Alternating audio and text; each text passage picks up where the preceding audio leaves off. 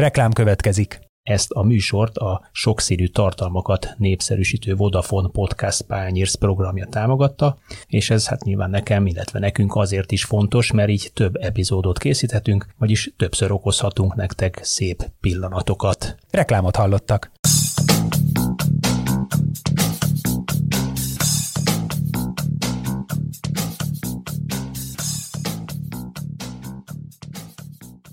Sziasztok, ez itt a Zicser, a 24.hu focis podcastja, én Kálnoki Kis Attila vagyok szokás szerint. És eh, Zicser Extrával jelentkezünk, az utolsó előtti Zicser Extrával, mégpedig azért, mert eh, lejátszották a VB második elődöntőjét, Franciaország 2 0 legyőzte Marokkót, és azért gyűltünk itt ma egybe Rutka Rudival, Jó reggelt! kiváló válogatott rablarunkkal, szia, és Marosi Gerivel, a Sport24 állandó szerzőjével, szia Geri, sziasztok. hogy átbeszéljük ezt a mérkőzést, hogy milyen tanulságokkal szolgált ez az elődöntő, illetve hát előre tekintsünk a vasárnapi döntőre, ja, és a szombati bronzmeccsre azt azért ne hagyjuk ki, hiszen VB van, itt van bronzmeccs is. Hmm, milyen benyomásaitok voltak erről a mérkőzésről? Mi történt azzal a Marokkóval, aki öt mérkőzésen egy darab öngolt sikerült összehozzon, és most hát nem ugyanazt a, azt a csapat benyomását keltette finoman fogalmazva, mint az eddigi mérkőzéseken. Talán nem tűnt annyira szervezetnek a védekezése, sőt, volt némi kis szerkezetváltás is. Na, mit láttatok? Mi, mi, mi ennek az oka?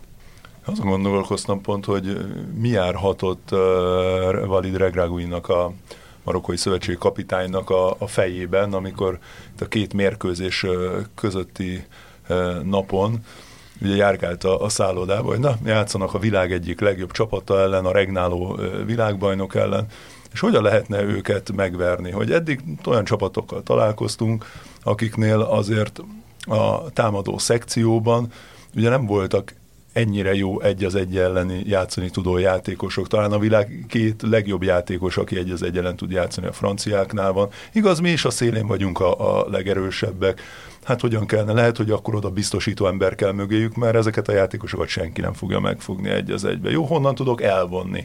Hát akkor meg kell változtatnom az eddigi sikeres taktikát, ugye mindig kivétel nélkül ez a nevezzük 4-3-3-nak, ami védekezésben, és ők zömében védekeztek, ugye 4-5 egyre tolódott vissza a 16-osa elé, hogy akkor valószínűleg onnan a középpályáról el kell csippentenem egy, egy játékost. És akkor utána hátra sétált a fizioterapeutákhoz, és megnézte, hogy kik várnak kezelésre, kik azok, akik rendelkezésre állnak ahhoz, amit ő esetlegesen szeretne elképzelni. És akkor látta, hogy Aguért fennfekszik a, a padon. Hát size kezelik már régóta. Mazraoui nem is játszotta az előző mérkőzésen. Hát ez a védelemből pontosan a három meghatározó játékos, aki nélkül elképzelhetetlen a, a marokkói taktika. És miután ugye ők mindannyian vállalták a játékot, ezért plusz egy érve volt az amellett, hogy, hogy nyilván ennyi sérült mellett nem lehet azt megcsinálni, hogy, hogy nem biztosított be a védelmet, hiszen nem elég, hogy sérülten vállalják a játékot, vagy éppen egészségesen, éppen csak játékra készen és összedrótozottan, hanem, hanem még valóban nagyon erős támadók ellen játszol, ahol, ahol fontos az, hogy a szélekről ne jöjjön másodpercenként zsíru felé egy beadás. És akkor ennek volt az köszönhető, hogy így teljesen fel kellett forgatni azt a tervet, amit, amit elképzelt, és ugyanakkor a másik oldalon is Détári Lajos után szabadon ugye nem csak sok beszélgetéssel és kártyázással teltek a, a hétköznapok, nyilván ott is felkészültek a, az ellenfélből, és, és látták azt, hogy, hogy mi volt az, mi, mi volt eddig a marokkói csapat erőssége, amelyik idáig az elődöntőbe repítette őket és hát nyilván nagyon nem szerettek például labdát tartani, hát akkor mi legyen? Hát adjuk oda nekik. És és ugye náluk azért sok változás nem volt, azon a két poszton volt változtatás, amin változtatni kellett, csak hogy náluk ugye teljesen mások a lehetőségek, mert mm, bálában állnak a jobbnál jobb játékosok, hátul a védelembe is, középpályán is, még talán a csatárposzt az, ahol érdekes híreket lehetett már éjszaka olvasni, például Karim Benzemáról is, hogy lehet, hogy még akár a döntőre még vissza is, fel is tudna épülni, hogyha úgy hozná a sors. Szóval, Csak hogy, hogy legyen szóval, egy újabb érem a igen, igen. Szóval, hogy, hogy annyi mindennel sakkozhattak szerintem a szakvezetők úgy, hogy azért a két csapat között hihetetlen nagy különbség van szerintem.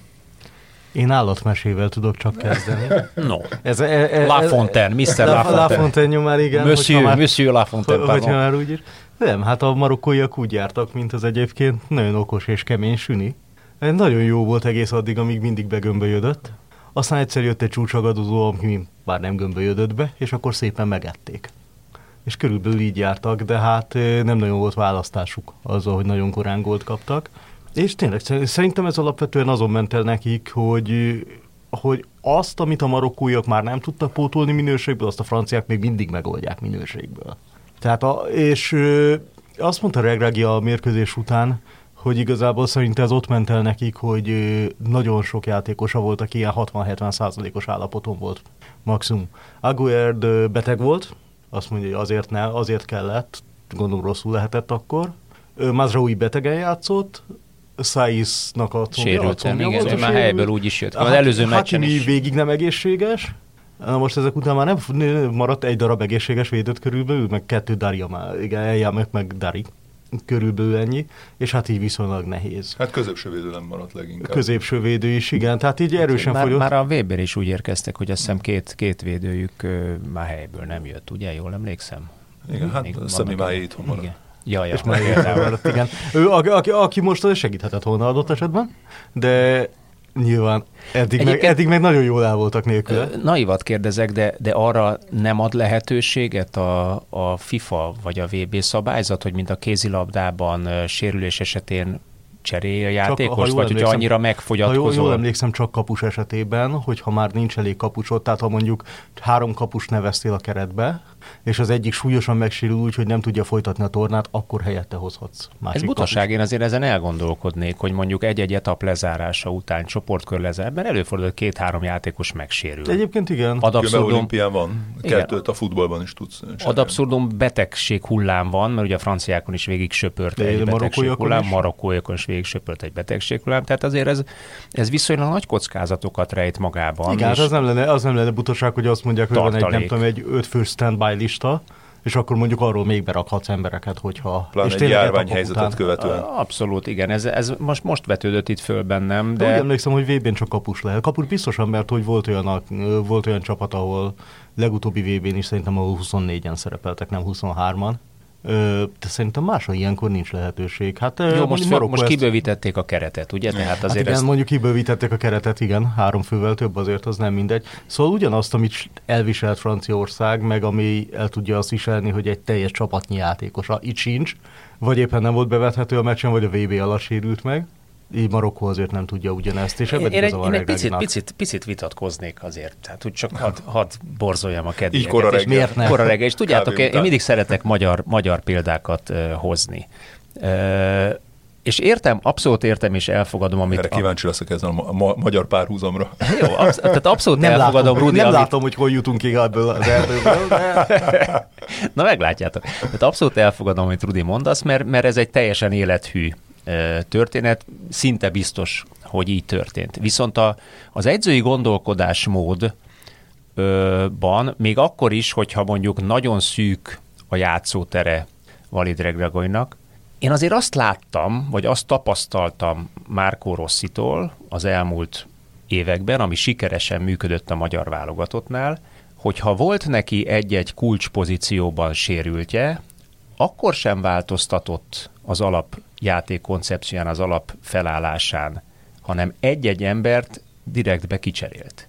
Tehát ő azért nem változtatott a 3-5-2-n vagy 5-3-2-es védekezési vonalán, nem állt át négy védőre, hogyha éppen kiesett egy amúgy is Lukas posztú szélső szárnyvédője, hanem beillesztett valakit oda, akiről tudta, hogy azt az egy célfeladatot viszonylag jól el tudja játszani, mert hogyha van egy legyakorolt szisztémája egy, egy válogatottnak vagy egy csapatnak, akkor pozícióban legalábbis ezt láttam, és ez működött is, csereszavatosabban tud működni, mint hogyha fölborítjuk a teljes rendszert, ami addig egyébként egészen kiválóan működött. Azt, hogy ne felejtsük el, hogy a marokkóiak ezen a vb is az ötből négy mérkőzésen játszottak három belső védővel. Tehát összességében minden a, be, a horvát meccs volt az egyetlen, amikor nem álltak át rá. Az összes többi meccset ugyanabban a három belső védős formációban fejezték be, mint amiben most elkezdték. Tehát ez szerintem inkább annak szól. Meg egyébként ezt, is Hakimi sokat ismert. szaladgált fölfele. E, és e, akkor ugye, ezt úgy, ugyanúgy ismerték, szerintem ez kimondottan francia szélsőknek szólhatott, hogy valahogy el kellene bírni velük, és nem biztos, hogy ott akart hagyni két nem teljesen egészséges belső védő Giroud-val. Azt én sem, én, sem, én sem biztos, hogy szeretném. Na hát mondjuk ebből az lett, hogy egy, egy védő rögtön kiesett, aztán egy védő még, szóval mikor cserélte le? 20 valahanyadik perc? 21. 20, 21. Igen. Tehát ez... Hát a gól után nem sokkal. Igen, tehát itt azon gondolkozom, hogy itt bármit lehetett volna csinálni gyakorlatilag. És akkor is állt, vissza is állt. Azt és akkor visszaállt, visszaállt, és onnan végig. Hát már nem, nem, volt más választás. Ott már, igen, ott már nincs, nem volt sok választás, amivel nem Na de, de pont ezért ötlött föl bennem, hogy, hogy ha eredetileg is oké, okay, van egy sérült játékosom, megpróbálja, nyilván akkor vele kezdek, nem pedig kispadon ültetem, mert ha játszik 15 percet, 20 percet, akkor még mindig be tudok hozni. Lehet, hogy előrébb vagyok, igen. De nekem akkor is, akkor is ez úgy, úgy, úgy birizgálja az hát, agyamat. Kíváncsi hogy, vagyok erről, biztos hogy, meg fogja még kérdezni valaki, hogy... Hogy, hogy nem, nem lett volna-e észszerűbb még így is abban a szisztémában, ami egyébként, egyébként jól működött. Én azért mondtam, hogy kíváncsi leszek a, a példádra, mert hogy szerintem nehéz még így is párhuzamot vonni, hiszen Márko Rosszinak egyrésztről soha nem volt eddig olyan problémája, amikor a meghatározó játékosai és a meghatározó játékosok között a védelemben abszolút Vidi Orbán és Szalai Attila oda tartozik, mind amikor mind a kettő kidől, és a cserepadon sincsen egy ember, és ne adj Isten, nem is elődöntött, de valami meghatározó mérkőzést játszol a magyar futball történelmében a világbajnok ellen, vagy akárki ellen egy jó, jó Extrém jó példa, ez ellen. kétségtelen. Tehát... Szóval hogy akár Németország ellen, akiknél tudod, hogy úgyse fogod látni a labdát, akkor nem fogod megerősíteni a, a védelmedet. Ráadásul egy olyan játékosnak kell e, utána nem sokkal játék lehetőséget adnak, aki egy, eddig csak csereként játszott. Szóval, hogy nála azért nagyon sok összetevős volt szerintem, hogy miért, miért döntött emellett. És ő arra készült, ami, amit talán lehet, hogy egy picit elhibázott, bár nem tudom, hogy ez mennyire tekinthető hibának, hogy ők hatalmas nyomás alá lesznek kitéve, mint, mint eddig. És ugyanakkor nem ezt láthattuk. Az első gól előtt is, ami nagyon korán történt, most nem volt hatalmas letámadás, nem szögezték oda zsírújék. Nem, egyszerűen elpasszolt labda, az első-második gól előtt is elpasszolt labda volt. Igen, és visszaálltak a, a félpályához, és hagyták, hogy adogassanak egy, egy picit, próbáljanak barátkozni a labdával, amivel, amivel nem találkoztak de, de egész világban. Onnan már, onnan már Dösan paszt játszott, amit nagyon hát, szeret. Hát, onnan ő, már ő egyáltalán ő, ő, se akar labdát, tehát a franciák, annak, de a franciáknál az a különbség, hogy ők nagyon tudják, hogy mit kezdjenek, hogyha náluk van a labda. Hát nekik ez a kedvenc felállásuk. De hogy, de hogy ez így annyira, Dösam gyakorlatilag hátradőlt és kérte kávét, hogy köszönjük innen. Hát ott vége volt a Oké, okay, de, de akkor, akkor azt mondom, hogy, hogy ugye apám mindig azt mondta, hogy mikor hülyeséget csináltam, mert ráfogtam valakit, hát a Pisti mondta, mm. és de Pisti azt mondja, hogy ugorjak útba, akkor beleugrasz, fiam. De hát akkor muszáj neked egyébként labdát birtokolni és támadni, hogyha a másik nem akar. Hát miért nem adott te oda nekik? Miért nem vársz türelmesen? Mert ez, ez, ez egy másik sport hasonlattal élve. Ez kicsit olyan, mint amikor a, a mondjuk világranglista tizedik teniszező játszik a századik teniszezővel, és pontosan tudja, hogy a századik teniszező körülbelül nyolc labdán tud visszaadni, a kilencediknél általában statisztikai ront, ő meg 12-t, és akkor mindig pakolja vissza neki, és előbb-utóbb ugye a koncentráció lankad, a minőség gyengébb, előbb-utóbb ront az ellenfél pont. Ez körülbelül ugyanilyen szituáció volt, odaadom neked a labdát, előbb-utóbb el fogjátok passzolni, arra lecsapunk, rendezetlen védelemen pikpak-pikpak beverjük, mind a két gólnál ezt láttuk. És ilyen rendezetlen védelmet én esküszöm nektek, az egész torna alatt nem láttam eddig Marokkó. Hát de azért nem láttam, mivel nem voltak hátrányban. Igen, de az ötödik perc előtt is. Ezt írtam, szó e, szerint e, ezt írtam föl magamnak. Uh, hol is van? Ja, igen, ezt, az elején ezt írtam, hogy miért, miért cserél járt utat járatra, hiszen öt védőnél pont az a legnagyobb veszélyforrás, hogy a két szélső védőd labdakihozatalnál magasra megy, és még jobban megnyílnak egyébként az útvonalak. De ahogy láttuk is, is hogy Hakimi, Hakimi folyamatosan egyébként Bappé, Bappét megelőzve egész magasan volt, hiszen azon az oldalon akartak támadni, feltételezem, mert hogy ugye Bappé sosem megy vissza védekezni és a gondolom azért azért bíztak abban, hogy azért a annyira három ember érzem, meg le tudja Annyira hozni. nem érzem benne egyébként, az első gólnál Jámik volt az, aki megpróbálta megelőzni Igen. Griezmann-t, ugye? És Igen. pont nem sikerült, tehát meg, illetve Ennyi, a megelőzés, megelőzés meg volt, csak le. egy számmal kisebb volt a cipője a keleténél, és pont annyival, és pont annyival lemaradt, és akkor abból már kész volt a baj, nem, nem éreztem akkor a bajt ezzel.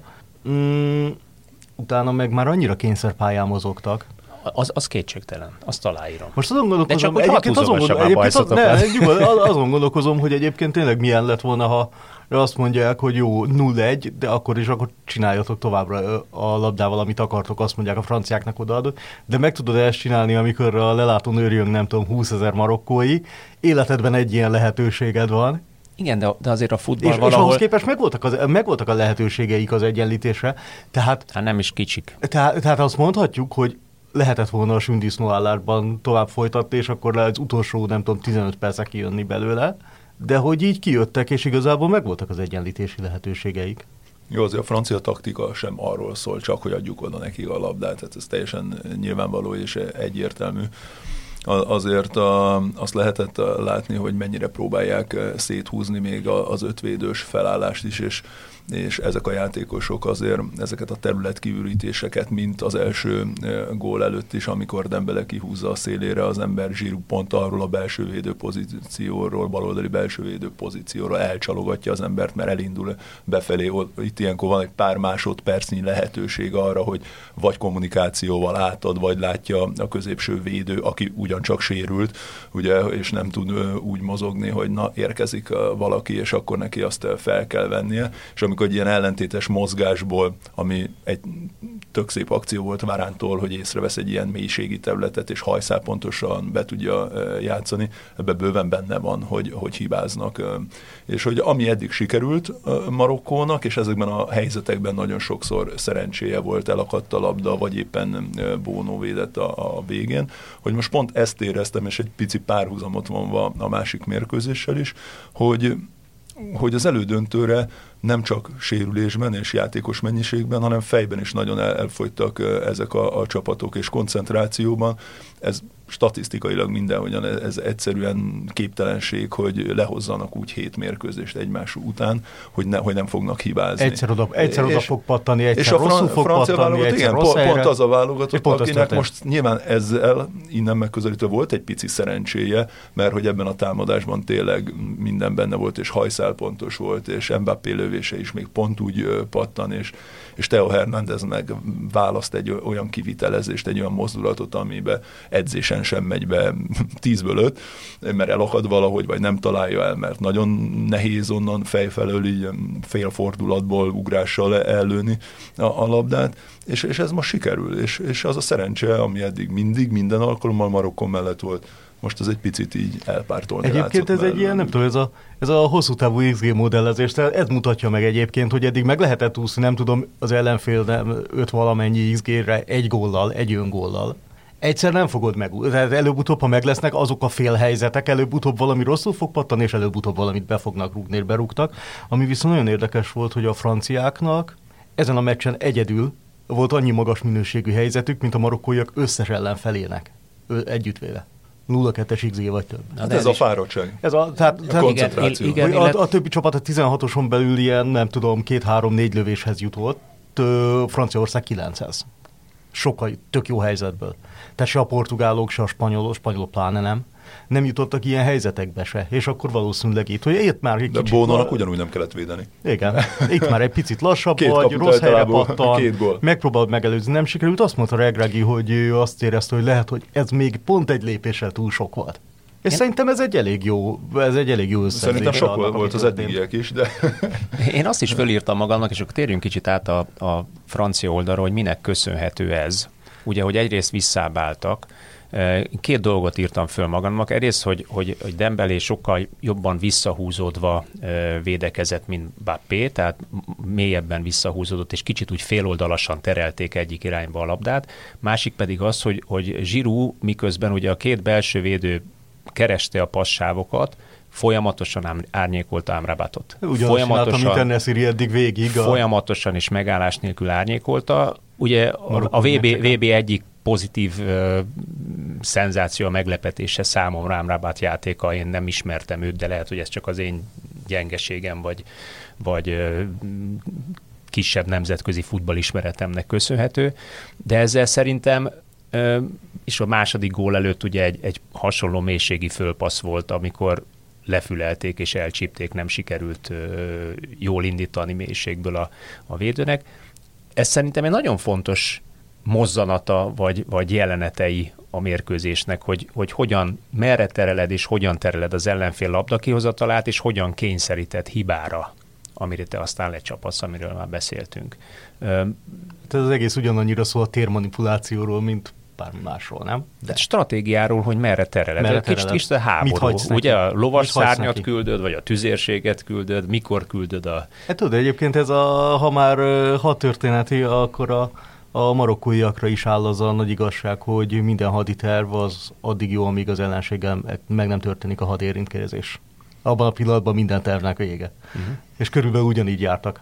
Igen, ez, ez egyébként nagyon jó megközelítés, de, de tényleg milyen érdekes párhuzam ez, nem? Hát körülbelül ugyanarról szól a történet. De ez mondjuk az 1800-as évek föláll, fölállt egymással szembe a két három hadsereg. olyan dolog, ami így teljesen kizökkenti a dolgot.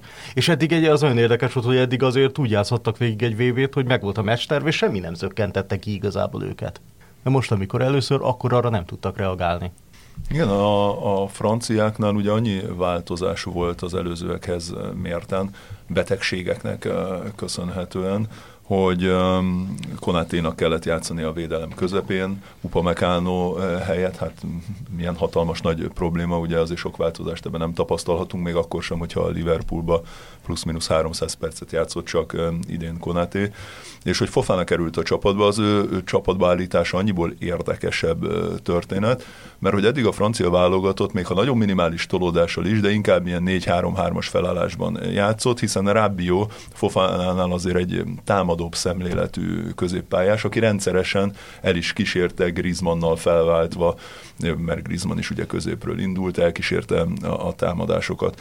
Viszont a franciák azért a biztonságra is ebben a helyzetben adtak egy picit nagyobb hangsúlyt, és, és ezért Fofana hátul maradt Chouamenivel is a 4-3 helyet inkább mondom ilyen hajszányi tolódásokkal és terület kiegyenlítésekkel 4-2-3-1-ben játszottak. És hogy ezt miért mondom el, mert tették ezt azért is, amit, amiről beszéltetek az előbb, mert hogy Mbappé ugye jóval följebb játszott, és próbálták a, a gyorsaságát kihasználni, de ennek az volt a következménye, hogy mögötte azért maradtak területek, és pont azt néztem, hogy a, a Staatsbomb hozott ki a második félidő elején egy ilyen, egy ilyen statisztikát, amikor már Marokkónak nyilván futni kellett a, az eredmény után, hogy a második félidő első 15 percébe a támadó harmadba bepasszolt labdáknak a mennyisége marokkói oldalról volt 20 valamennyi, 25 vagy 6, a francia oldalról 3.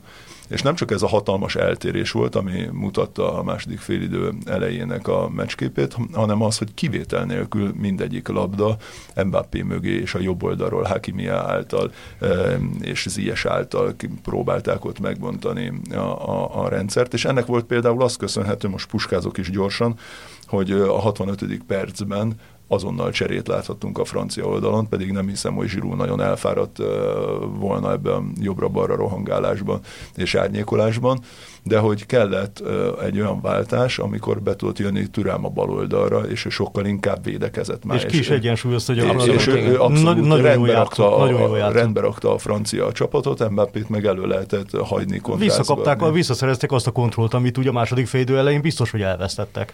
Igen, szóval, szóval azért marokkói oldalról is volt arra meccsterv, hogy mi van akkor, ha gólt kapnak. És először... Erre próbáltam utal az elején, hogy Hakimi folyamatosan megelőzte, ugye, és ott akartak létszám fölént Hakimi oldalán, vagy egész félben egyébként igen. Hakimi Ziyech oldalán játszottak. Hát azért, Egy... azért, azért arra lehet építeni, nem? A, kicsit igen. Viszonylag jó. Kicsit igen. Még a Marokkónál az, az azért segített volna nekik, hogyha a centerük nem három darab labdaérintést, amit nem tudom, hogy hogy lehet. Tehát ennél Szirinnél három labdaérintést regisztrált az opta, meg minden más szolgáltat. Hát ő is csak árnyékol. Mi, mi, minden, minden, igen, igen, igen. Mi, Vagy árnyéka minden volt más, saját magának. Meg árnyéka volt magának is, igen, mert minden szolgáltató, ami az Opta szerint, amióta vannak adataik, az 1966, még soha nem volt kezdő, vagy 45 percnél többet játszó játékos, aki ilyen keveset ért volna a labdába. Amiben az, az egyik középkezdés volt. Az egyik középkezdés volt, a másik saját tér felén azt hiszem, vagy egy passz, vagy egy szerelés, és akkor a harmadik az meg így talán 5 vagy 10 méterre a felező vonaltól, na ez volt a center. Ez a, tudod, az, ezt, meg, és így hátrányban nehéz Ezt nézhetjük úgy is, hogy, hogy hiába jött ilyen 26 számú bepassz, egy se találta el a centert. Ugye nem, nem sikerült megjátszani a hát, És, a, és ha belegondolunk, tényleg azért mondjuk például a Bufá kimondottan, azért meg tudta keverni a franciákat, nem egyszer. Zies sem volt rossz, az a, az ilyenkor azért hiányzik, ha a befejező embert az valahol egy radírral eltüntetik középen. De akkor a másik oldalról nézve meg viszont maximálisan be, bejött Desámnak az az elgondolása, hogy Fofanával ott pont a belső területeket lezárta, és se elzárták el. Ott nem lehetett mit keresni. A, a labda elől. Igen, csak talán pont Militár Iván szokta mindig mondani, hogy a magyar válogatott, hogy megint egy magyar példát mondjak, van egy, van egy bizonyos passzám, ami fölé nem szabad menni, mert hogyha a fölé megy a magyar válogatott, Már akkor, akkor bajba van. Nem, mert az azt jelenti, hogy akkor, akkor ugye akkor neki kell kezdeményezni, neki kell kreatívnak kezdeményezni lenni. kreatívnak lenni, és abban nem annyira komfortos De még, azért, azért még mondom, egyelőre. Már hibázik. Igen, és ugyanezt láttuk itt is. Azért uh, 60 9, 61 vagy hány, 61 százalék volt azt hiszem a labda birtoklása végén. De már az első fél időben is többet birtokolt Igen. a labdát Marokkó, ami finoman fogalmazva nem volt rá jellemző eddig, mert inkább 32 alatt maradt. Nem kell. 31,8 volt az átlag eddig. Így van. Ez is csak megerősíti azt, amit mondtátok, hogy, hogy ennyire átadta Franciaország a kezdeményezést? Igen, ezzel szoktunk nevetni Ivánnal nagyon sokat, hogy hogyha megnéztük a magyar válogatott korábbi mérkőzéseit, különben ez változott egy picit ebben. Abszolút, ebben fejlődünk ebben fejlődünk, szerintem. Abszolút. Ja, hogy volt egy, egy, egy szám tényleg, ami alá, ha beesett a magyar válogatottnak a labdabirtoklása, abban ő nagyon lubickolt, és, és jó érezte magát. És ha, ez azt hiszem a 38 százalék volt különben. És ha e fölé ment a, a labdabirtoklásunk, akkor onnantól kezdve már nehézkesnek bizonyultak a mérkőzések és az ellenfelek.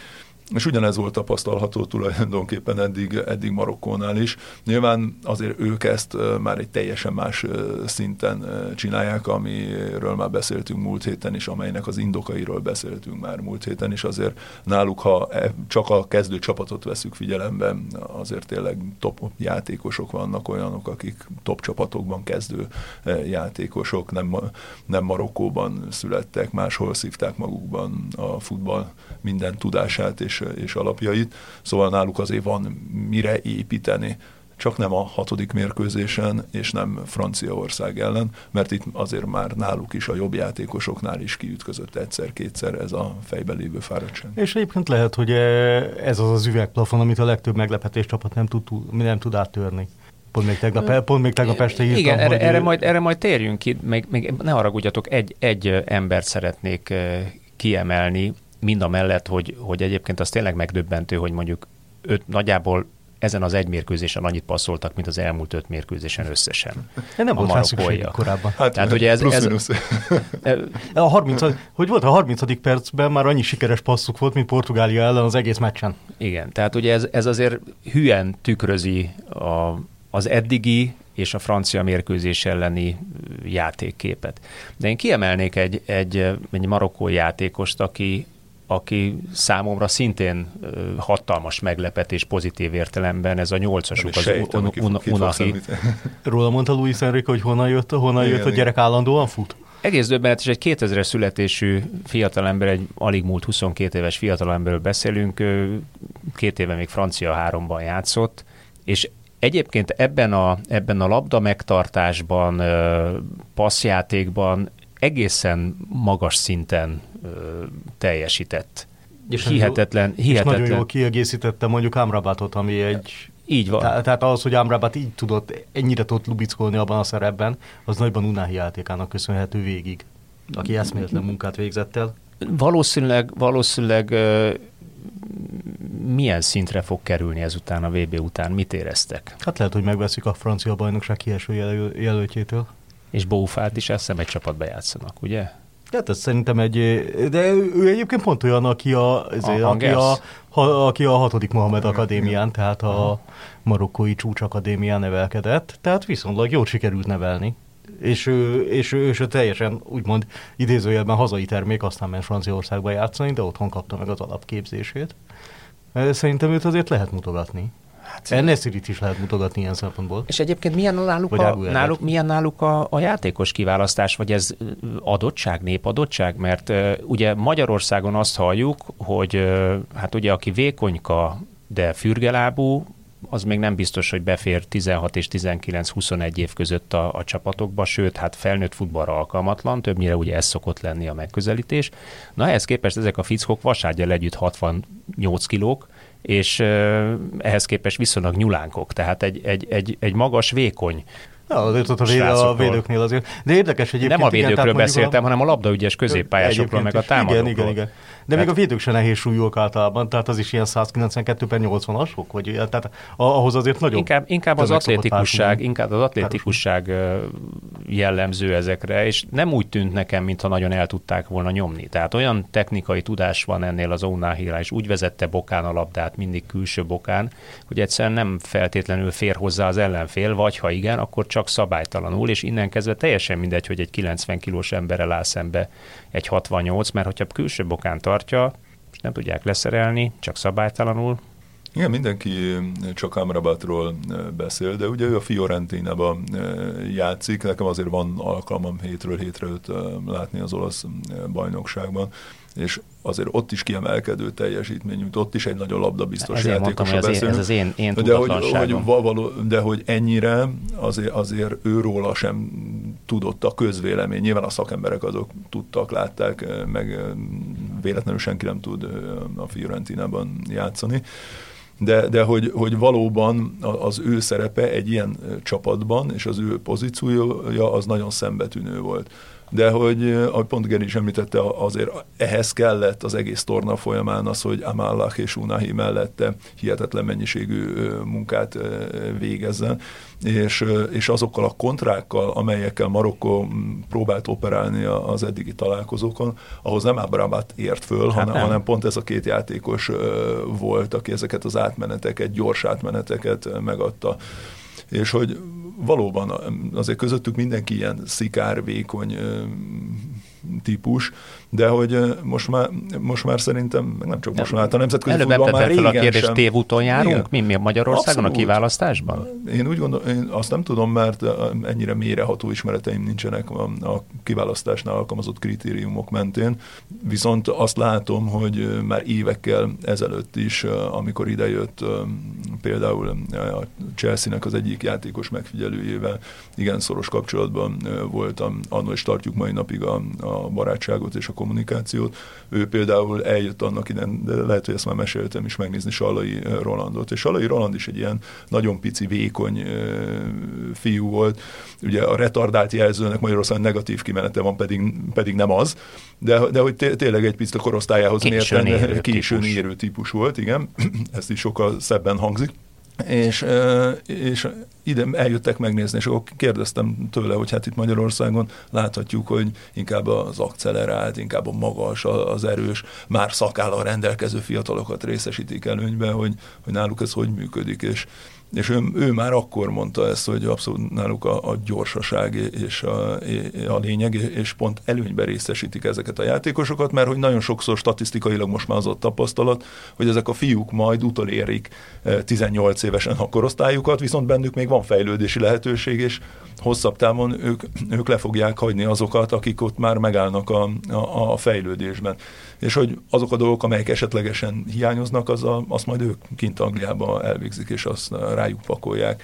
És hogy ugyanezt éreztem egy, egy picit a, a marokkóiaknál is, hogy, hogy maga a gyorsaság, a dinamika, a gondolati gyorsaság az, az, az eszméletlen magas szinten volt, és, és pont Unai volt az, aki viszont bírta is ezeket a találkozókat. Nála nem láttam, hogy sántított volna, hogy ráhajol a térdére, hogy valami, hogy ez volt a fantázia, hogy ezt a munkamennyiséget, ezt az oda-vissza tempót, zihálást, ezt, ezt minden mérkőzésen az elejétől a végéig, és nem is nagyon cserélték le, ugye jól emlékszem, nem is emlékszem arra, hogy, hogy lecserélték volna, szóval ő, ő végig tolta ezt a világbajnokságot ezen a, ezen a szinten, és ha innen közelítjük meg, akkor valóban Amrabat teljesítménye feltűnő volt. Tegnap már lehetett olvasni, hogy a francia miniszterelnök is bement az öltözőbe a plegykák szerint, és őt emelte ki, mint a világ vagy a világbajnokság legjobb középpályását, de, de hogy Una, Unai, hiszen, de, de, de, hogy Unai után kapkodni fognak most a, a nagy csapatok, abban is biztos vagyok. Szabad szemmel láthatóan megy. Akkor lehet, hogy kiesik az mert, de... Amraba, bocsánat, Amrabat is 26, és Amalak is 26 éves, és Amalak meg a standard listbe játszik, szóval valószínűleg azért neki is meg lesz a lehetősége egy, egy feljebb lépésre, de azt ilyenkor mindig hozzáteszem, hogy, hogy azért a nagy csapatok azok nem úgy válogatnak, mint mondjuk nem Magyarországon a, a, a sok csapat, fognak. igen, hogy lát egy hogy ú, de jól játszott ezen a meccsen, és akkor ú, szerezzük meg, hanem nyilván hosszú Profil, ideig, évekig figyelik. De mondjuk Unáhinál az nyilván segíti a dolgot, hogy ilyen szintű csapatok ellen sorozatban ilyen teljesítményt tudott nyújtani, tehát ez azért már jelenthet valamit. De azt mondod, hogy a tényleg válogatott szinten létező legmagasabb Igen, abszolút lehet, hogy az Angers ez nem jött ki a klub csapatában, játszik mert nem lehetett annyira észrevenni, amikor egy teljesen más rendszerben játszol. Itt most tökéletesen kijöttek az ő erősségei. Ha már minőség meg erősség, akkor kicsit fordítsunk ezen, és nézzük meg ezeket a, a tapasztalatokat. Gerit összegyűjtötted a, az este folyamán, hogy tulajdonképpen a franciáktól VB előtt vagy alatt kiesett játékosukból komplet csapatot, beteg válogatottat lehetett volna összeállítani. Kapus, Kimpembe, Upamecano, Hernández, Babukár, Kamara, Kanté, Rabio, Pogba, Kunku, Benzema. Nem, nem rossz névsor. Nem, igazából össze lehetne egy olyan csapatot állítani, amit ha a pályára küldünk, akkor lehet, hogy lennének, nem tudom, egyensúlybeli problémák, de azért a kieséses szakaszban elég. Na de Franciaország ennek ennél meg se rezzen. Döbbenetes az a keretmélység. És, és, és szerintem tényleg a, én nem voltam biztos, hogy ennyire tudják pótolni azt a rengeteg hiányzót. A középpályával kapcsolatban kimondottan kérdőjelek voltak, és meg se rezzennek gyakorlatilag. Most azért az még jó kérdés. A Kamavinga alig játszott. Kamavinga szóval. nem já- igen, tehát Kamavinga nem játszik. És amikor játszott, akkor berakta bal hátvédbe, amit nem tud. és, tehát ez a keretmélység valami egészen elképesztő, és, és ez hatalmas dicséret annak, hogy Franciaországban milyen nevelő munka zajlik. Hogy ennyi, tehát ne, nekik nem ők nem 22, nem, ők nem tudom, 50 játékosnál kezd elfogyni az, amihez bár, bármikor hozzányúlhatsz, és ezen a szinten tud játszani. És te lát, látod a különbséget az a 2018-as csapat és a mostani között? Minőségben nem?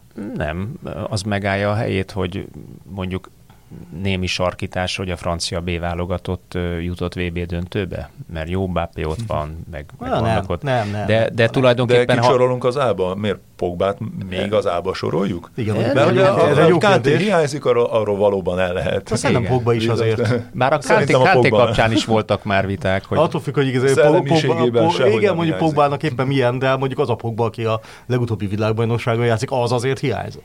Viszont aki azóta az elmúlt hát négy évben az a klub csapataiban. Az jóval kevésbé hiányzik, igen, igen, igen. De, de, hogy, de hogy valóban tényleg azon a pozíción is, ami azért a legtöbb Oké, akkor akár a B válogatott is, akkor fordítok egyet, akár a B válogatott is elérhette volna ezt az eredményt. Én inkább úgy fogalmaznék, hogy a franciáknál fel lehet állítani két olyan válogatottat, amely mind a kettő világbajnoki esélyes lenne. Igen és, és ezzel szerintem nehéz, nehéz vitatkozni. És ezzel szerintem kevés válogatott tudja fölvenni a versenyt, ha egyáltalán, mert mindenki, mindegyiknek meg lennének a lyukai, és a franciáknak mintha nem lennének meg. És ezek jönnek ki hét mérkőzés alatt, nem? Ami tulajdonképpen döntővel, harmadik helyért vívott mérkőzéssel egy világbajnokságon vár egy csapatra. Hogy ők nem fognak el, elfogyni. És, és amikor meg az, hogy ráné, ránézel a játékra, és nem veszed észre a játékukon. Mert hogy mert hogy vagy, van ugyanolyan minőség, és tudja ugyanazt játszani, amit kérdezem. Ez is egy magyarázata annak, ugye, hogy a kvázi kis csapatok, már amennyire Marokkót kis csapatnak hát ebben a, ebben a könnyedben 13, 13 topligás játékossal, ebben a tekintetben mindenképpen ugye hosszabb kispad eldönt adott esetben mérkőzést, vagy mérkőzés sorozatot. Tulajdonképpen ezzel, ebben az elődöntőben én talán a mostani Horvátországot is független attól, hogy négy évvel ezelőtt, 2018-ban azért ezüstérmesek voltak, kicsit a meglepetés kategóriába sorolom, hogy négy közé jutott. Tehát tulajdonképpen nézhetjük azt, hogy két favorit és két meglepetés, egy nagyobb meglepetés, egy kisebb meglepetés jutott a, a VB elődöntőbe. Üm, mégis a két favorit van ott a fináléban. Miért van ez? De nem erről szól a világbajnokságok története? Hát mondjad Miről szól? Hát de szerintem erről szól a világbajnokságok története, nem? Tehát azért a hány meglepetés döntős tudunk mondani? Horvátország és Horvátország. És körülbelül ennyi. Most azon gondolkozom még, hogy esetleg ez a kivétel, ami erősíti ez 1962-ben De miért épp a VB elődöntőben fogynak el? Lehetne annak minősíteni, de szerintem nem lehet annak minősíteni, plusz akkor rákerültek egy KGST ágra, ahol aztán tényleg egyenlő esélyekkel játszottak a többi csapattal, amelyekkel rendszeresen megmérkőztek. Mm, szerintem azért fogynak el, mert á, nincs, nincs elég rutinjuk ahhoz, hogy ezt kezeljék. Szerintem elődö, elődöntőt azért az pont az a szakasz, aminél nagyon ki tud jönni a rutin, hogyha már voltál esetleg ilyenben, vagy ilyen szituációkban, és nem ez életed első és egyetlen lehetősége arra, hogy hasonlót csináljál. Keretmélység is itt kezd kijönni, azért most már, most már a hatodik mérkőzésnél vagyunk. Mi nagyon sok. Európa bajnokságon ugye egyel kevesebb szoko, vagy volt sokáig. És lásd, ott egyszer Görögország be is És ott ugye Dánia tudott nyerni, akkor Dánia, mondjuk még kevesebbnél Görögország be tud, meg tudta nyerni, Csehország tudott döntőt játszani, de az egyel kevesebb mérkőzés az szerintem számít már ilyen szinten, hogy nem kell annyit játszani, de az tényleg sokat mondó, hogy akárhány csapatot mondunk, ami így meglepetés volt, nem tudom még, amit fölírtam, az 1930-as amerikait is még hozzá lehetett tenni, de aztán 62 Chile, még 82-es lengyelt ki is húztam utólag, mert szerintem az annyira nem meglepetés a 70-es években lengyel aranygeneráció miatt, de 86-ban Belgium, 94-ben Bulgária, Svédország, 98-ban Horvátország, aztán 2002-ben Dél-Korea, Törökország, 2018 Horvátország, most pedig 22-ben Marokkó.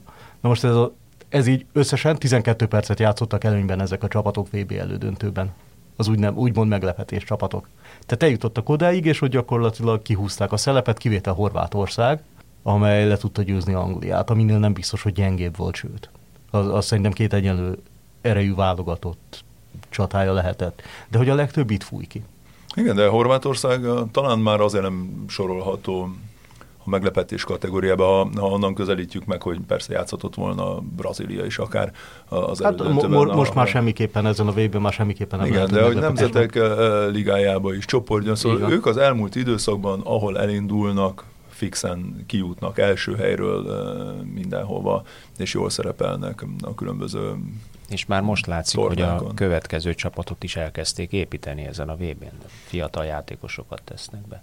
Igen, és ha már behoztuk a, ezt a mérkőzést, akkor én, én is bedobnék uh, valamit, hogy, hogy milyen érdekes összefüggés a két elődöntőbe, hogy azon túl bár fájón nevezem mondjuk ezek után, a monológ után a Horvátországot kis csapatnak, de talán Argentinához mérten lehet egy, egy, egy, egy hajszálnyival Én is ezért mondtam, hogy ez a francia, spanyol, hát argentin, nem, nem, brazil vonalhoz képest azért, azért igen, lejjebbi. Igen hogy az elődöntőbe jutott csapatok közül, ugye Franciaország és Argentinát, hogyha esélyesebbnek gondolunk, hogy milyen mestervel léptek a, a, a pályára, hogy mind a kettőnél ugyanaz volt, hogy adjuk oda a másiknak a, a labdát. Horvátország és Marokkó is 61%-ban birtokolt, úgy, hogy az eddigi találkozóin Argentinánál 61%-ban volt a, a világbajnokságon a labda, szóval rájuk azért nem lehet azt mondani, hogy ők szívesen átadják a kezdeményezés lehetőségét. Nyilván ott is sokat számított az első félidőben, talán a legelső valamire való helyzetből kialakult 11-es és, és a megszerzett vezetés, de, de hogy ettől, ettől függetlenül, amikor pláne egy rosszabb állapotban, már fáradtabban pályára lépő csapatnak odaadják a labdát, hogy tessék, csinálj, amit eddig abszolút nem tettél, akkor azért nehezebben megy, úgy, hogy azért Horvátországnál szerintem minőségében, főleg középpályán is, mert Marokkónál nagyon jó védekeznek, meg Guna is tényleg nagyon jó játszott meg minden, de azért nem lehet egy kalapban említeni egy Modric, Brozovic, Kovács, Kovácsics középpályával. Szóval, hogy, hogy még nekik is gondot jelentett az, hogy Argentina ellen, aki a legjobb védekező statisztikákat hozza a világbajnokságon, hogy ellenük bármit csináljanak. Itt szerintem van még egy ilyen lépcső, vagy még egy ilyen kis minőségkülönbség, és az az ugrás azért már pont elég ahhoz, hogy egy el, az a, a, a minőségkülönbség meg a rutin. És most is egyébként két olyan csapat jutott a VB döntőbe, amelyben egészen pontosan nulla percet játszott nem topligás játékos. Egyetlen, egyetlen nem topligás van a 52 játékos között, az argentin harmadik számú kapus. És különben az is, az is érdekes, hogy hogy nem csak a labdát birtokolták, és kellett kreatívnak lenni, hanem ezáltal nyilván több lehetőségük is adódott. Ugye Marokkónak a legtöbb helyzetkialakítása is ezen a, a mérkőzésen volt. De ugyanakkor azt lehetett látni, hogy, hogy oda kerülve a kapu elé, még ha nem is olyan minőségű helyzetek, amit százszázalékos helyzetnek nevezünk, de hogy ott sem tudtak. Szóval nem csak a labdajáratással nem tudtak mit kezdeni, hanem a kapu előtti lét is ismeretlen volt számukra. Igazából szerintem ezek az igen, igen nagy csapatok, ők nagyon-nagyon kényelmes szituációba keres, kerülnek abban a pillanatban, ahol olyan ellenféle játszik, ami alacsonyabb minőség, és megszerzi a veletést. Hát ez lényegében... Otthon, otthon, nem, otthon nem alszik bele, és azért ezen a vb n láttunk olyan példát, lásd Argentina, Szaudarábia ellen, vagy Németország, Japán ellen, amikor elillan a veszélyérzete, hogy onnantól kezdve nagyon nehéz kicsavarni a kezükből a meccset, mert pont annyival jobbak, és tessék ott a labda, csinálj vele, csinálj vele, amit akarsz, csináld a játékot, megnézzük, hogy mit tudsz kezdeni, na ugye, hogy nem tudtál semmit kezdeni vele. De ezek szerint akkor ezzel azt mondjátok, hogy tulajdonképpen, illetve a statisztikák is azt mutatják, hogy a labdarúgó világbajnokságokon leszámolhatunk azzal a, a kisemberi ábrándal, hogy Dávid legyőzi Góliátot, mert képtelen. Hát a sor, végén, a sor végén mindig Góliát fog 1930 nyerni. óta gyakorlatilag 8 futballgóliát nyert világbajnokságot, mert hogy a korai urugvái csapatot futballgóliátnak kell tekinteni. Abszolút. És 1950 óta Uruguay sem, tehát kik nyer, De kik, utána megérkezett a többi ország Igen, is igen, és, ki, és azóta ki, ki tudott csak világbajnokságot nyerni, az az öt ország, amelyiknek ma topligája van, meg a világ két legnagyobb játékos exportőre, Brazília és Argentina. És ennyi, köszönjük szépen, ez egy zárt klub. Én, én, én, én, én abban hiszek, hogy itt van egy üvegplafon, amit nem tudom, hogy át lehet-e lépni. Én még talán, a be, talán ilyen belga-holland szinten érezném hogy még nekik Egy nagy lehet. generáció véletlenül. Aha, aha hogy összejön, nekik összejön, se sikerült, látod Összejön annyira, sem. de hát a belgáknak sem sikerült, bár nagyon közel voltak hozzá. Igen, különben nekem is még egy újabb aspektusát bedobva ígérem az utolsót. Az is feltűnő volt, hogy hogy az elődöntőben már nem fér bele az, amikor egy, amikor egy csapatnak vannak hiányposztjai, hogy Marokkónál ugye nagyon egységes volt e, ez a, ez a csapat, és mint csapat nagyon jól működtek, de de a két szélét kivéve azért náluk nem top minőséget képviselő, amit mi top minőségnek hívunk, mert a világ legjobb labdarúgói közül szerepeltek játékosok. Nagyon jó kiegészítve egymást hiba nélkül bírták a, a terhelést, de hogy mivel nem top minőséget képviselnek, ezért azért arra lehetett számítani, hogy előbb-utóbb elfáradnak fejbe. Horvátországnál pedig pedig ugye Lovren személye eh, volt az, amely nagyon fontos egyrésztről, mert személyisége az, hogy ő mit képviselt, hol játszott, mit csinált, hányszor részese volt a sikereknek, még azt is lehet mondani, hogy megkérdőjelezhetetlenné teszi az ő, ő szerepét. Viszont uh, ugye nem véletlen az, hogy a Liverpooltól neki már Oroszországba kellett menni játszani, koránál uh, fogva, nyilván nálam már vannak olyan hiányosságok szerintem, amelyek nem férnek. Amire látszott, hogy rá is lehetett játszani. És hogy igen, hogy ezért, ezért emeltem ki, mert hogy ő volt az a pont már Brazília ellen is, és most Argentina ellen is annyira lehetett látni, hogy minden meccs terv ráépült.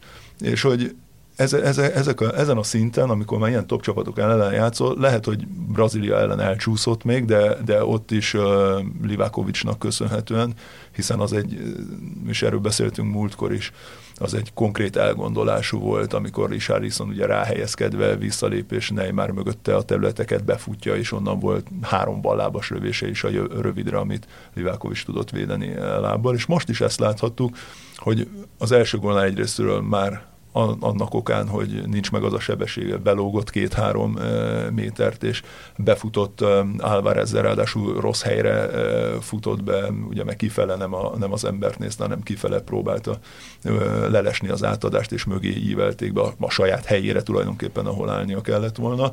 Szóval ezek a minimális dolgok és hiányosságok, amelyek már esetleg fellépnek különböző posztokon, azok már ezen a szinten nem férnek bele. Hát Vagy egy darabig beférnek, de a végén, végén előbb-utóbb bele fog szibázni. Még például a középcsatárban is szerintem ilyen, hogy a horvátoknak sincs igazából klasszis, mert hogy, mert hogy nincs. Mert hogy Petkovics nem mert az. hogy másodegyző. Tamaric sem az. Ne, igen. Egy kiállított másodegyző. Hát egy, egy, egy, jó, egy jó suker oda nem lenne. Hát Mandzukic se volt. Mandzukic, persze Mandzukic nagyon jó lenne, de a suker még jobb lenne. Ő sem segített volna. Itt már ő sem segített volna. Meg, hogy a marokkóiaknak is, az, hogy Ennesziri és akkor most a franciák meg nem tudom a kispadról bejön Muani, aki a 13. számú csatár körülbelül a francia sorrendben, csak éppen már ő volt az egyetlen egészsége, bejön gólt lő. Hát, ahol nem tudom, 20 másodperc alatt? Körülbelül hát valami. Első labdaérintésében. Még be sem elegedett, és már gólt lő. Tehát ezek a kis különbségek ilyenkor azért pont elegek ahhoz, hogy megnyerje egy csapatot. De hány poszt és, és milyen a, a, a sors, hány poszt jelent meg a, arról a mérkőzést követően, azt láttam a különböző oldalakon, hogy ugye Kolumbuani nem volt benne a francia a keretben, csak Enkunku sérülése okán került behívásra, és nyilván, hogy ennek mennyi alapja van, azért azt látni kell, meg tudni kell, hogy ő azért a Frankfurtban mérhetetlen mennyiségű gólt szerez, 11 gólpassznál jár, szóval gólok-gólok terén is kimagasló mutatókkal bír bőven itt kellett volna lenni. És egy ilyen minőség, csak ha már a francia keret Ez mélységéről a... beszélünk, szóval ilyen játékosok alapból nem fértek volna be. Ez a póttartalékot. Amikor a csapatnak ez a póttartalék, az elég ijesztő minden ellenfélnek. Minőségről beszéltünk, és azt megállapítottátok, hogy azért a francia válogatott, ugye lásd most, illetve az argentin is azért top kategória, és nagyon magas minőséget képvisel. Mit vártok a döntőben? Milyen meccstervel készül ezek után, hogy mind a két csapat átadta a labdát az ellenfélnek az elődöntőben? ezt még egyszer megjátszani. Én Milyen meccstervel készülnek? Szerintem mind a kettő ugyanezt szeretné. Hát nem abból olyan lesz, mint egy... és így, így az átmenetekből szépen lehessen az ellenfélre rárobbanni, mert abban, abban, abban sokkal jobbak, mintha így. Tegye fel a kezét, aki már látott jó világbajnoki döntőt. hát, Akkor beszéljünk először a bronz meccsről, mert ott nyilván felszabadult a, a, a legutóbbi az jó volt, csak az meg egy oldalú volt viszonylag. De igen, hát ilyen, ilyen nem tudom, egy gól, két gól. Nem tudom Szóval itt már akkora a tét, nem, hogy... Hogy nem is annyira és pont ez, a, hogy... pont ez a két csapat, pont az edzőik is így nem fognak itt, szerintem semmit nem fognak kockáztatni. Az, az szerintem nagyon jó eséllyel eldöntő, hogy kiszerzi az első gólt.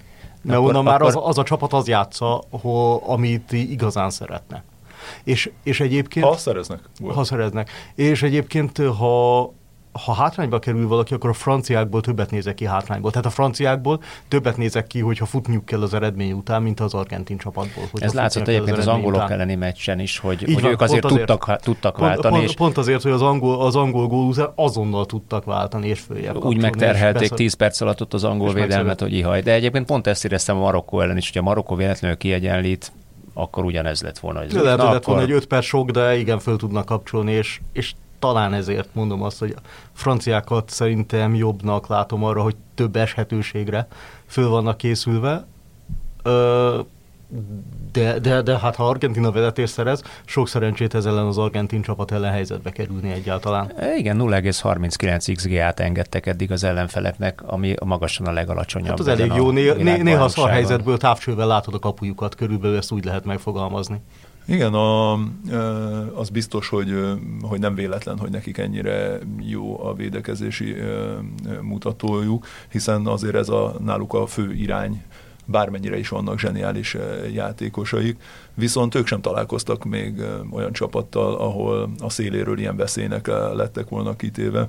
Ugye most Akunya is és Montiel is sárgalapok miatt nem játszott, szóval elvileg le, akár még két pihentetett játékosuk is lehetne, viszont ott azért a szélről beérkezett labdákban lehet náluk probléma a középpályán, meg a franciáknál azért jobb jár, szóval én ebben a párosításban is azt látom, hogy ha most összehasonlítanánk az egész keretet egyenként a játékosokat és a keret minőséget, a franciák felé eh, billenne a, a mérleg. Mind a két oldalon van olyan játékos, aki el tudja dönteni a, a, a mérkőzést, viszont az argentinoknál én ezt nagyon egyoldalúnak és egyirányú utcának Úgy kezdődik, vélem. hogy és úgy végződik, hogy ez. szóval ott, ott mindenki tudja, hogy mi a, mi a feladat. A franciáknál azért ez már nehezebb. Több, több helyről jöhet a veszély. Kiszűrni. Több változó. Meg egyébként az, az is számíthat, hogy a franciáknál fog a kapus, ami mondjuk Martinez eddig nem volt igaz, mm. mert meghökkentően sok gólt kap. Tehát amit kapujára lősz, azt jó az előző mérkőzés mondjuk, kivétel volt, de hogy egyébként körülbelül, amit... Igen, a 11-eseknél fantasztikus volt, de hogy egyébként, amit kapujára lőttek, az körülbelül be is ment. De mondjuk az is szerintem inkább ilyen anomália, hogy kifogott egy olyat, nem tudom. Hogy álltak az előző mérkőzésre, tudjátok, hogy nem tudom, 8, 8 lövést állt el a kapuját, és abban... 6, és most lett 8, ha jól 6, 8, és ebből már bement 5. az azért nem egy, és ahhoz képest, hogy mondjuk arra gondolunk, hogy Loris minden mérkőzésen kulcsfontosságú védéseket mutogat. Na, most is be. volt egy-két egész és most is védése. volt. Most is Abszolút. volt. Hú, a végén szerintem ő borzalmasan dühös lett. Ő lett volna az egyetlen dühös francia. Ha az utolsó percben abból az ígyszerből gólt kapnak, ami Kundé mentette meg a gól van arról. Szerintem, Végre egy clean sheet. Igen, igen szerintem ide kapusnak ez a ezt láttuk már azért néhányszor, amikor a kapusnak a 95. percben elmegy a clean sheetje, és így háromszor akkor a feje. Pedig hiába nyertek, mert azért ezt mégse.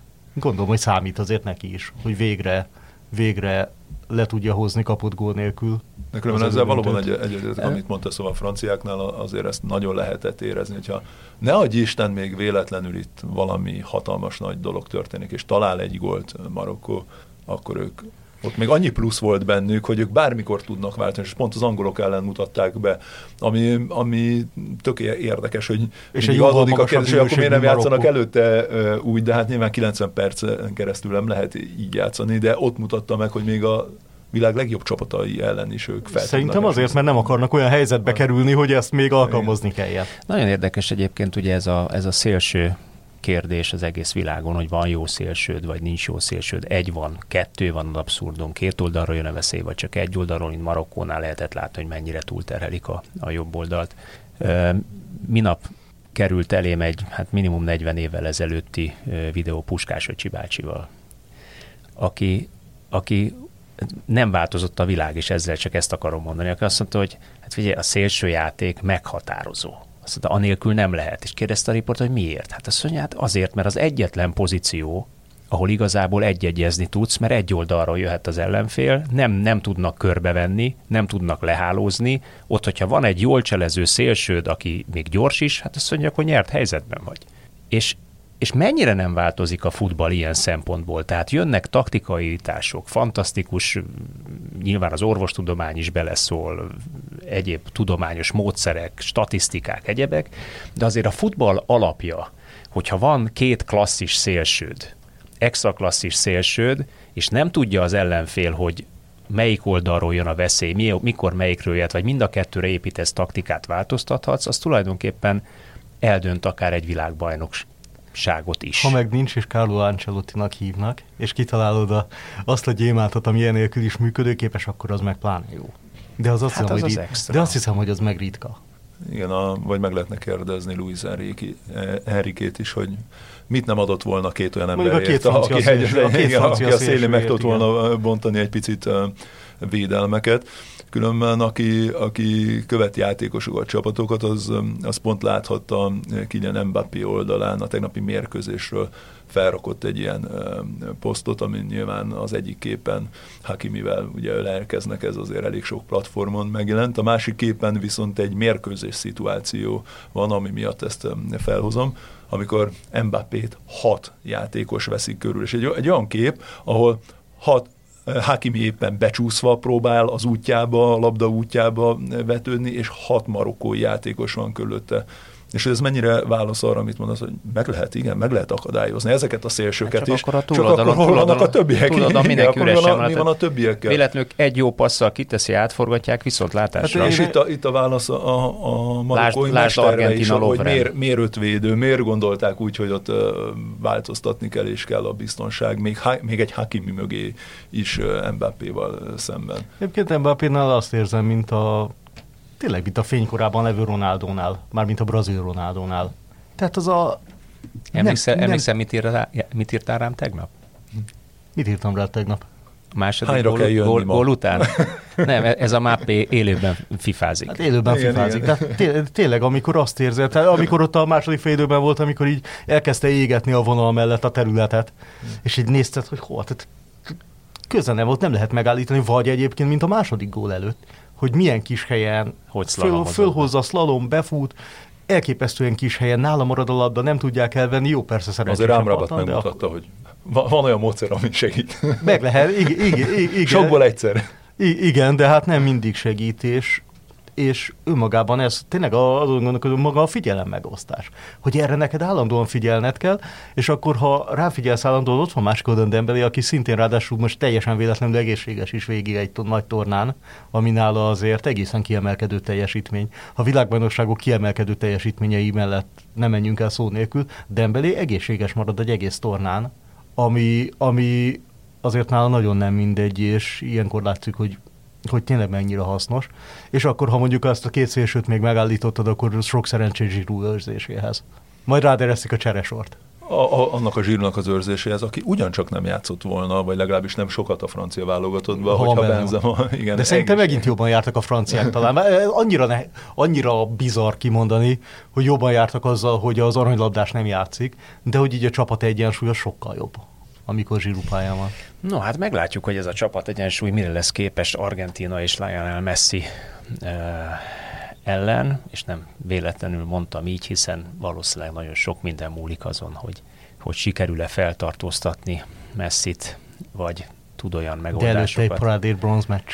De hogy pont miatta szurkolnak sokkal többen Argentinának, nem? Hogy egy ilyen pályafutásra, egy ilyen zsenialitásra, amit ő azért itt nyújtott a világbajnokságon is. Tegye fel hogy, hogy nagyon jó az argentin válogatott, igen, de hogy nélküle sehova nem jutottak volna nagy valószínűség szerint és hogy azért ez, ez nagyon sok ember szimpátia, semleges emberek szimpátiáját is elnyert. Tehát természetesen vannak olyanok, akik nem... És szerintem nagyon sokan nem szeretnék, ha azt kellene hozzátenni, hogy Lionel Messi micsoda csodálatos játékos, csak világbajnokságot nem nyert sohasem. Kétségtelen, hogy a igazi korona pályafutására e, ez lenne. Tulajdonképpen majd meglátjuk. E, hétfőn visszatérünk erre, hogy sikerült, miért sikerült, nem sikerült, miért nem sikerült, ezt fogjuk megbeszélni, illetve hétfőn fogunk majd jelentkezni a bronzmérkőzés tapasztalataival is röviden, ami hát szerintem várhatóan azért egy, egy éles meccs lesz, mert mindkét csapat egész biztos, hogy küzdeni fog a, a bronzéremért, nem fogják elengedni, és uh, szerintem egyébként egy látványos meccset láthatunk, mint általában. Hát remélhetőleg nem azt hozzák, hogyha valaki még emlékszik, remélem, hogy nem, mert ez ilyen... Pont Dél-Korea, az a, Dél-Korea nem, Törökország, hát az, az ne, milyen meccs volt? Az nagyon jó meccs volt, de hogy a Marokkó-Horvátország a legelső, mér, eh, legelső fordulóból, tehát egy, az remélem már egy egészen botrányosan rossz 0-0, tehát ahhoz képest reméljük, hogy sokat javulnak. No, uh, Rudi Geri Köszönöm szépen, hogy így megvilágítottátok nekünk ezt a elődöntőt. Kedves hallgatóktól pedig azt kérem, hogy legközelebb hétfőn is hallgassatok minket, mert hétfőn újra jövünk utoljára az utolsó VB Extrával. Sziasztok! Sziasztok! Sziasztok!